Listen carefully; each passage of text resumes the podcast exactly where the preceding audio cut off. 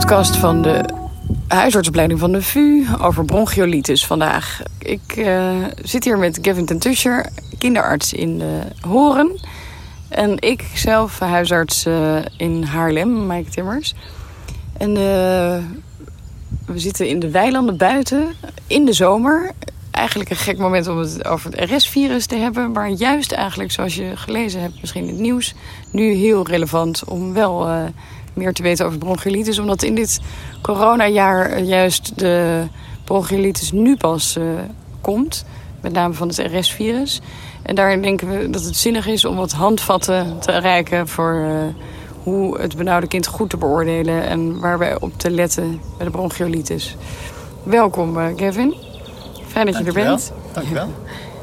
We, nou, vertel eens uh, hoe jij dat ziet nu, de actuele situatie rondom de bronchiolitis.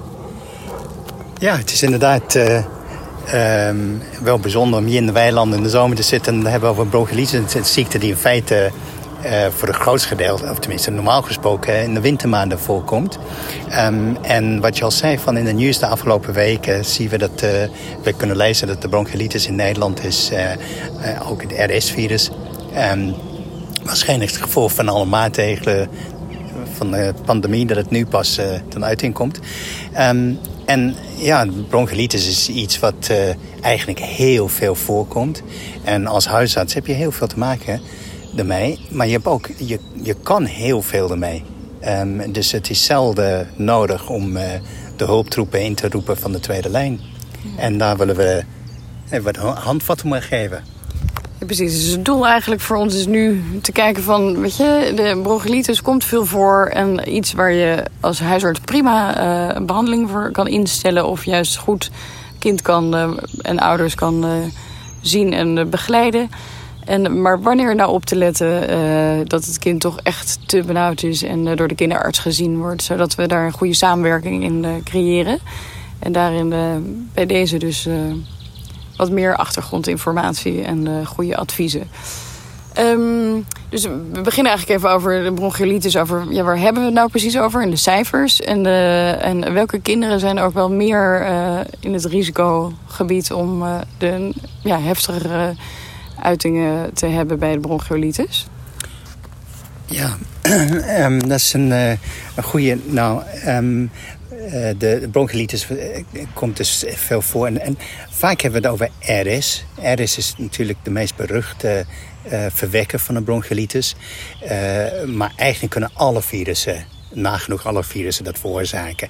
En een bronchiolitis is niks anders dan een ontsteking van de kleinere luchtwegen. Nou, dat, daar wordt veel slijm aangemaakt. Er is inflammatie die voorkomt. En dat zit allemaal in de weg. Betekent dat de ademhaling wat moeilijker gaat. En dan hebben kinderen meer of minder last ervan. Min, meer of mindere mate last ervan. Um, het, is, uh, het komt uh, ja, ongeveer 40 tot 40 procent of meer van de kinderen hebben klinisch merkbare bronchiolitis. Maar als je kijkt naar hoeveel kinderen opgenomen hoeven te worden... dan heb je het over ongeveer 1000 tot 2000 per jaar in Nederland. En daarvan, daar, daarvan is ongeveer 10% die aan de beademing komt als gevolg van respiratoire distress. Um, dus, en, en nagenoeg alle kinderen genezen ervan. De, de, prognose is heel goed. Minder dan 1% uh, eh, zal eraan overlijden.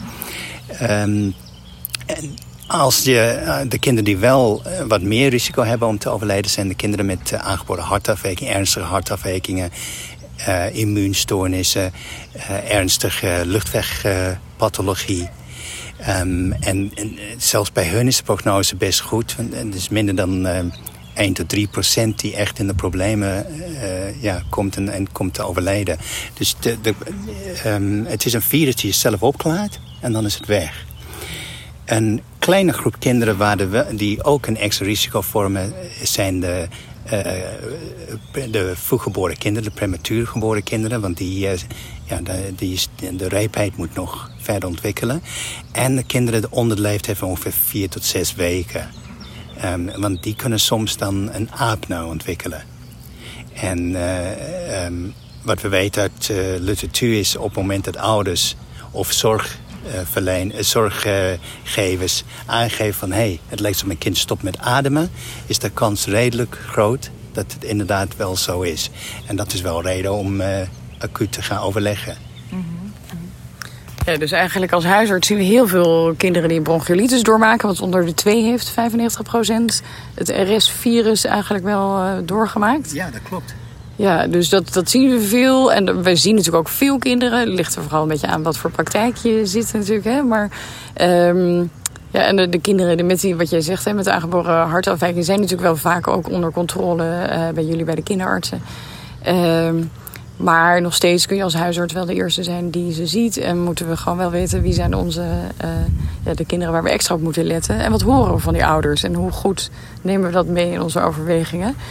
Um, en ik vond het ook nog wel interessant dat je zei dat RS-virus, weet je, en niet alleen uh, de, de kinderen die er last van hebben, maar ook volwassenen die daar gewoon. Uh, dus het waart niet alleen maar op de kinderopvang natuurlijk, maar ook echt ouderen die daar echt last van kunnen hebben. En ook een soort bronchiolitis beeld van kunnen hebben. Wat voor ons als huisarts natuurlijk wel, nou ja, soms je blik wel even vergroot.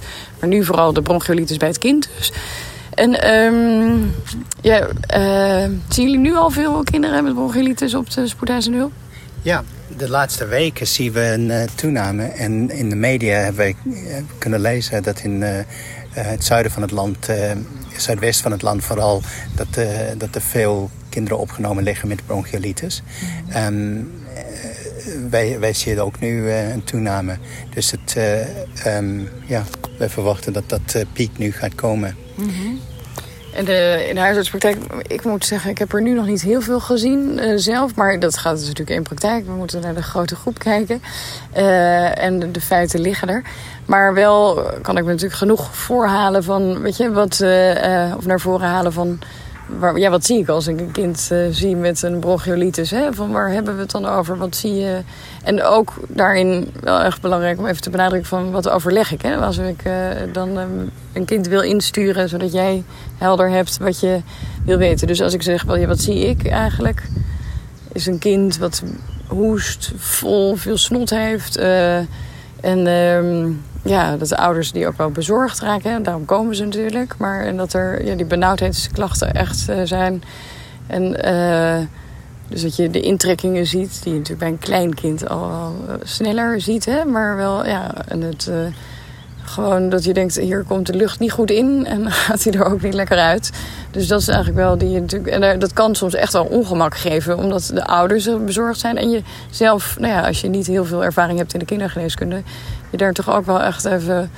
Um, nou ja, dat moeilijk kan vinden. Of, uh, of dat je de tijdsdruk hebt. Hè? Dat je denkt, ik ben niet in 10 minuten klaar met deze patiënt. Dus uh, dat gaat uitlopen. En wat zit er allemaal nog voor druk op mijn agenda. Dus waar nou met name op te letten? Wat, uh, als ik dan met jou zou bellen, wat wil jij graag horen van ons?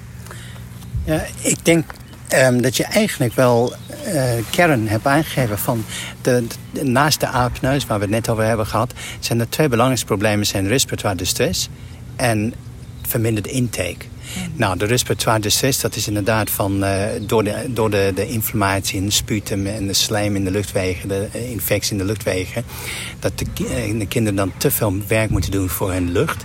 Nou, en dan zie je van uh, tachypneu je ziet uh, flinke intrekkingen, de neusvleugelen. Um, ja, dat, dat mis je niet. Je ziet dat een kind hard aan het werk is voor de lucht. Voor zijn of haar lucht. Um, en uh, op het moment dat ze het nog kunnen trekken, prachtig. Um, als het lukt om een betrouwbare saturatie te meten... En, de, de saturatie boven de 95% is ook prachtig. Onder de 95% is, is reden om te overleggen. Uh, nogmaals, als betrouwbaar is. Um, en dus dat is de ene poot. En je, je, je merkt het wel als uh, uh, van hey, dit kind die trekt het nog goed, die speelt, die is vrolijk, die kan nog sabbelen op de speen tussendoor. Ja, dan is er voldoende lucht. Um, en als, als je twijfelt is het inderdaad een goede, goed moment om te overleggen. Die andere poot is de dehydratatie. En dat is dan eigenlijk wel secundair. Want wat gebeurt is door die hoestbui, en de kinderen moeten veel hoesten, dan gaan ze makkelijk spugen. Ja, dat hebben we allemaal natuurlijk. Het is een heel natuurlijk reflex. Um, en op het moment dat de maag vol is, ja, dan gaan ze makkelijker eruit spugen. Um, Bovendien is dat, dat slikken, zuigen, ademen, allemaal tegelijk voor de zuigeling, kost veel energie. Um, en dat wordt vertaald in behoefte aan lucht. Dus op het moment dat je moeite hebt om voldoende lucht binnen te krijgen... dan ga je ook bezuinigen aan hoeveel voeding je gaat nemen. Um, en dat zijn dan twee mooie poten waar je in kan springen als dokter.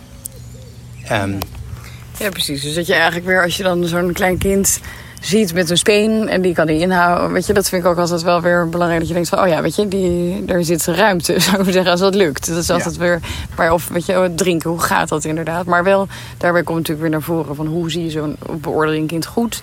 Door echt die uh, bovenkleding uit te kijken en uh, ademhalingsfrequentie te tellen. Te kijken ook van zit die neus, weet je, hoor je en zie je alleen maar snot. Nou, dat, uh, dat is niet open, zo zeggen. Dus dat, uh, dat is belangrijk. En dan inderdaad de intrekking die je bij jonge kinderen sneller ziet, maar wel ook echt relevant zijn. Want net als andere dingen, dat wij als huisartsen, of nou ja, en alle artsen, dat je kijkt meerdere aspecten belangrijk samen maken van hoe is het met dit kind. Dus die ademfrequentie de uh, verstopping, de intrekkingen, de neusvleugelen. Um, en uh, huilt het kind met tranen. Hè? Dat je dus daar echt goed uh, even de tijd voor neemt. Ik denk saturatie bij ons gewoon in de huisartspraktijk niet goed te meten is. Vaak of kindjes hebben, wat je, of het is een volwassen saturatiemeter... of die vingertjes zijn koud en je, of ze krijgt er niet stilgehouden. Dus dat dat vaak toch, weet je, wat we het net over hadden... van je hebt meerdere punten waar ik bekijk. Dus dan brengt de saturatie ook niet zoveel meer behalve verwarring uh, soms. Dus dat is denk ik goed om je, je, te realiseren. Hè? Van, gaat me echt iets brengen? En, of krijgt het kind alleen maar meer stress? En kan ik daardoor niet meer goed naar die longen luisteren? Want daar kom je dan natuurlijk hè, van... wat hoor ik nou allemaal over die longen? En um, nou ja, om te kijken van, goh, hoe zit het kind erbij? En, en toch, ja, uit die anamnese echt, wat komt er naar voren? Die ademstops bij die hele kleintjes, echt belangrijk. Want je, dat laten ze natuurlijk niet in de spreekkamer zien. En de voeding van hoeveel geven ze en hoeveel komt er weer uit? En, uh, en, en ook hoe lang is dit al gaande natuurlijk, hoeveel dagen? Daarbij... Uh, nou ja, is het dan interessant van... oké, wat worden de stappen dan die we kunnen doen? Hè? Als we dan, uh, voordat je überhaupt gaat overleggen... dat je denkt, wat kan ik zelf nou voor plan maken... en welke punten hebben we dan niet? Dus dat, ja, dus eigenlijk uh, van de neus tot de longen kunnen we... weet je, dus en het neustoilet met xylo en zout... dat het echt vrij wordt. Dat je de, de, dan kunnen we het even hebben over de salbutamol... want dat wordt natuurlijk wel frequent gegeven, zien jullie ook. Hè? En dat is niet altijd terecht. En... Uh, wanneer nou wel of niet te doen. Misschien wil je daar ook nog wat meer over zeggen. Ja. Nou, het is inderdaad um, uh, wat je al zei, United Airways. Dus begin bij de neus. En een hele goede neustoilet is heel belangrijk. Um, dus de, uh, niet, niet uh, zuinig zijn met zoute neus, neusspray. vooral veel gebruiken om de, de snot weg te spoelen. Xylomethicilline helpt ook vaak, draagt ook aan bij. Dus inderdaad, het zijn mooie eerste stappen. Um, wat, um, nou, dan als je ietsje lager gaat naar de luchtwegen... dan uh, je kan niet zo heel veel aan doen van de, de, inflammatie die aan de binnenkant is. Wat je wel kan doen is uh, met de voeding uh, stappen nemen. Zeg van nou, dan doe maar kleinere beetjes voeding. Dus minder hoeveelheden, maar dan wel vaker. Want dat kost minder energie. Bovendien is de maag minder vol als een kind een hoestbui heeft en gaat spugen. Dus de, je verliest minder. Dus uh, frequent uh, kleine beetjes. Wat ik vaak zeg van nou in plaats van een hele fles doe dan uh, vier keer een kwart fles. Mm. En dan verspreid over dezelfde tijd. Ja, dus gewoon aan de bak met die voeding ook. Hè? Dus de ja. ouders moeten gewoon echt vaker... Het is intensief, maar ja, daar moet je ja, de, de ruimte precies. Dus een kind moet niet naar de opvang. Maar moet wel echt de zorg krijgen dat je gewoon echt... Ja, nou ja, misschien kan het op de opvang. Ja. Maar als ze maar ja, een beetje intensief uh, aangepakt worden. Um, en dan inderdaad de salbutamol. De, uh, het is heel um, ja, een uh, goede geneeskunde. Denk van, hé, hey, ik hoor wheezing. Ik, dat is een verlengd experiment. Ik ga salbutamol voorgeven. Dat, dat mag prima. Um, alleen bij een bronchiolitis helpt het zelden tot nooit. Dus belangrijk is als je het gaat geven zelf even luisteren naar een kwartier van de toeding. Uh, geef het even een kwartier later, even luisteren. En als je uh, geen duidelijk effect ziet, ja, dan hoef je het niet voor te zetten. Dus als je denkt van, oh, misschien wel een beetje, nou, dat is hem niet. Nee. Of geen effect, dan hoef je het niet voor te zetten. Het gaat toch niet helpen. En hoeveel puffs geef je dan? Uh... Je kan prima de NAG standaard volgen van 4 tot 8 puffs. Dan weet je van, hé, hey, ik bezet dan voldoende receptoren... Ja. om te kijken van, is er nou echt een effect, ja of nee? Precies, maar dat is ook wel belangrijk. hè, Dat je echt wat je dan geeft, dat je voldoende geeft. Zodat je niet eh, eh, weet je, één puffje en dan gaat eh, niet Ja. eens controleert en meegeeft. Want je belast ouders ook best wel met de, de, de inspanning voor het puffen. En kinderen vinden het niet fijn. En als het niks oplevert, levert het wel stress op. Ja, en Dus- kosten van de maatschappij, Ja, precies. En de kosten hadden we ook nog. En de, ja, precies. Ja. Precies, dus eh, daar, ook, daar moeten we op letten. Maar dus vooral ook voor het kind nu weer van, weet je, is het zinnig, gaat het helpen? Eh, de kans is klein. En dus, eh het, echt wel, als je echt een kwartier verschil merkt... dus je bent gewoon ook even bezig, kan je tussendoor een andere patiënt zien... en dan kan je daarna weer door met dit kind. Ja. En heb je ook een beetje beter zicht op hoe de ouders misschien wel ermee omgaan. En, ehm, en natuurlijk koorts kan er ook nog bij zijn, maar ja, antibiotica toch ook. eh, nou ja, dat, ondanks dat we natuurlijk steeds meer weten van, eh, weet je, ja, wees daar laagdrempelig mee. Ja, je kan Ja. gewoon koorts hebben natuurlijk bij een virusinfectie. Precies, het, eh, de koorts dat hoort erbij bij virusinfecties, Mhm. vaak op de, kinder, op de jonge leeftijd. En het is een virus, dus ja, antibiotica gaat niet helpen. Ehm, uit onderzoek is gebleken dat de kans op een bacteriële superinfectie is best klein.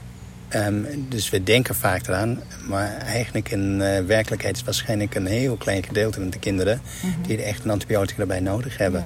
En die zijn vaak dan echt goed ziek. In, en, en dus die zijn vaak al in de tweede lijn. Ja, ja.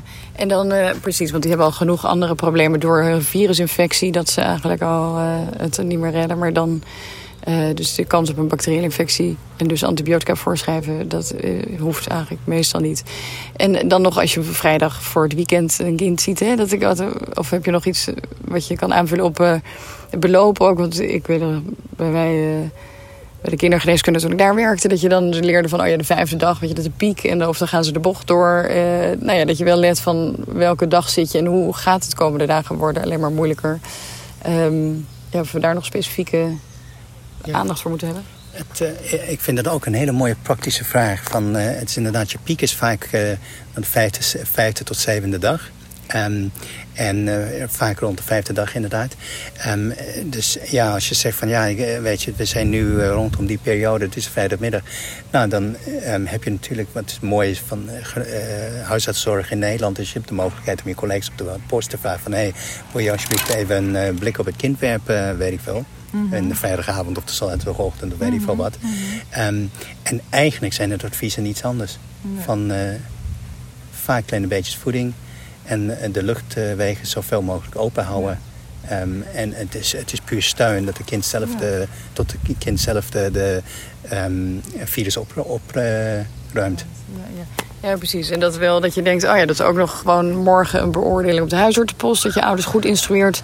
Ook prima kan eh, ten opzichte van dat je denkt, oh, doe maar nu even met de kinderarts voor het weekend. Want dat is, eh, weet je, dat die optie er ook is. Al is soms de huisartsenpost natuurlijk wel erg, weet je, voordat ze daar een afspraak hebben en eh, dat ze daar lang moeten wachten. Ook wel lastig, hè. Maar je kan ouders natuurlijk goede instructies geven. En ja, daarin is het wel belangrijk te weten wat wij doen. En uiteindelijk wat je al zei, van het laagdrempelig met elkaar overleggen. Dus op het moment dat je denkt van nou, ik wil toch even sparren met de kindergeneeskunde, dat kan natuurlijk. Ja, ja, ja, precies. En dan wil je gewoon goed zeg maar, al die punten van het lichamelijk onderzoek weten. Je parameters helder, echt een ademhalingsfrequentie weten. Echt, weet je, kijken of er intrekking of neusvleugelen is. En of dat kind eh, niet toch nog de speen in de mond heeft. Ja. En daarvoor tekenen zijn van dehydratie. En, ehm, en dan uit het verhaal met name die ja, dus de, de, wat is dat? De, ook de voeding, hoe die niet meer, weet je, ja, precies de Ja. maar ook de on, eh, of de onmogelijkheid voor het kind om nog meer binnen te krijgen, omdat het te veel Ja. energie vraagt. Ehm, en dan, ehm, ja, dus belangrijk te weten van wat kunnen wij dan doen. Dus eigenlijk als je het erover hebt, van wat zijn dan onze adviezen als huisarts van echt het goede neustoilet. Salbutamol doe je eventjes om te kijken van heeft het effect zo? Ja, dan mooi, maar heel grote kans dat het niet is. Dus dan is het alleen maar belasting, dan niet doen. De rust belangrijk, de voeding echt vaker en in kleine beetjes eh, voor de ouders. En ehm, vooral niet roken, dat is ook nog wel een eh, belangrijk dat is een hè? hele belangrijke. Ja, wat, ehm, het is een heel mooi moment om een roken ook eh, aan te kaarten. Want eh, wat we weten is dat als je een, een of beide van je ouders rookt...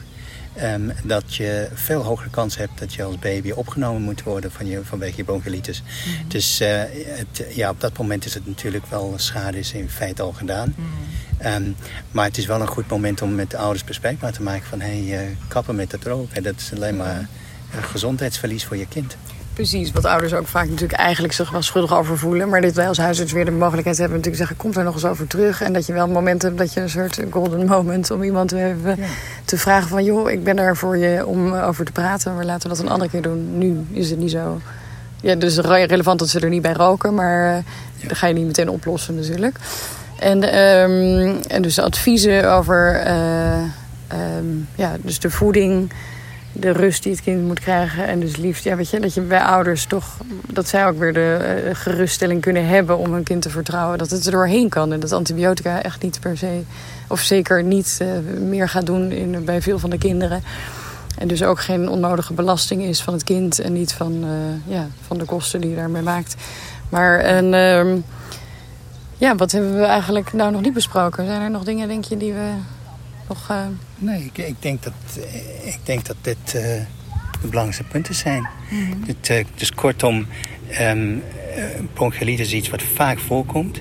En verder, de meeste kinderen kunnen prima in de thuissituatie uh, door, uitzieken. Mm um, praktische dingen om te doen zijn zorgen voor open neus... Um, zorgen voor vaak frequente voedingen. Uh, let op alarmsymptomen voor respiratoire distress, dan wel apneus, um, dan wel dehydratie. En, um, uh, en bespreek roken. Mooi. Zo, ja, er komt even een vliegtuig voorbij, maar we zitten dus in de frisse buitenlucht en uh, dan heb je dat wel eens. Um, hopelijk hebben jullie er wat aan. Voor sommigen misschien vooral een herhaling van wat je al weet. Maar toch wel echt belangrijk dat je die basis uh, houdt. Hè? Dat eigenlijk houdt simpel. En ook in wat je, weet je, kijk naar de dingen die je echt moet zien. En als je je zorgen maakt, kun je weet je, of overleg laagdrempelig ook. Hè? Ik bedoel, jullie zijn altijd... Uh, we, ja, staan altijd open voor overleg. En dat je dan ook kijkt van, uh, is, wat kan ik nog doen ook als huisarts? Of... Uh, en dat is soms ook wel fijn dat je merkt voor de ouders van dat wij gewoon in overleg zijn. Hè? Dus dat er een soort ja, die verbinding er is. Het kan ook geruststelling geven. Dat je zegt, ik heb het al uh, genoemd en we kunnen dit gaan doen. Ik heb er vertrouwen in. En zo niet, dan laat je je weer of kom bij ons terug. Want dat is, ja, weet je, we kunnen zelfs een kind op dezelfde dag nog een keer terugzien. Hè? Als ouders echt te bezorgd zijn.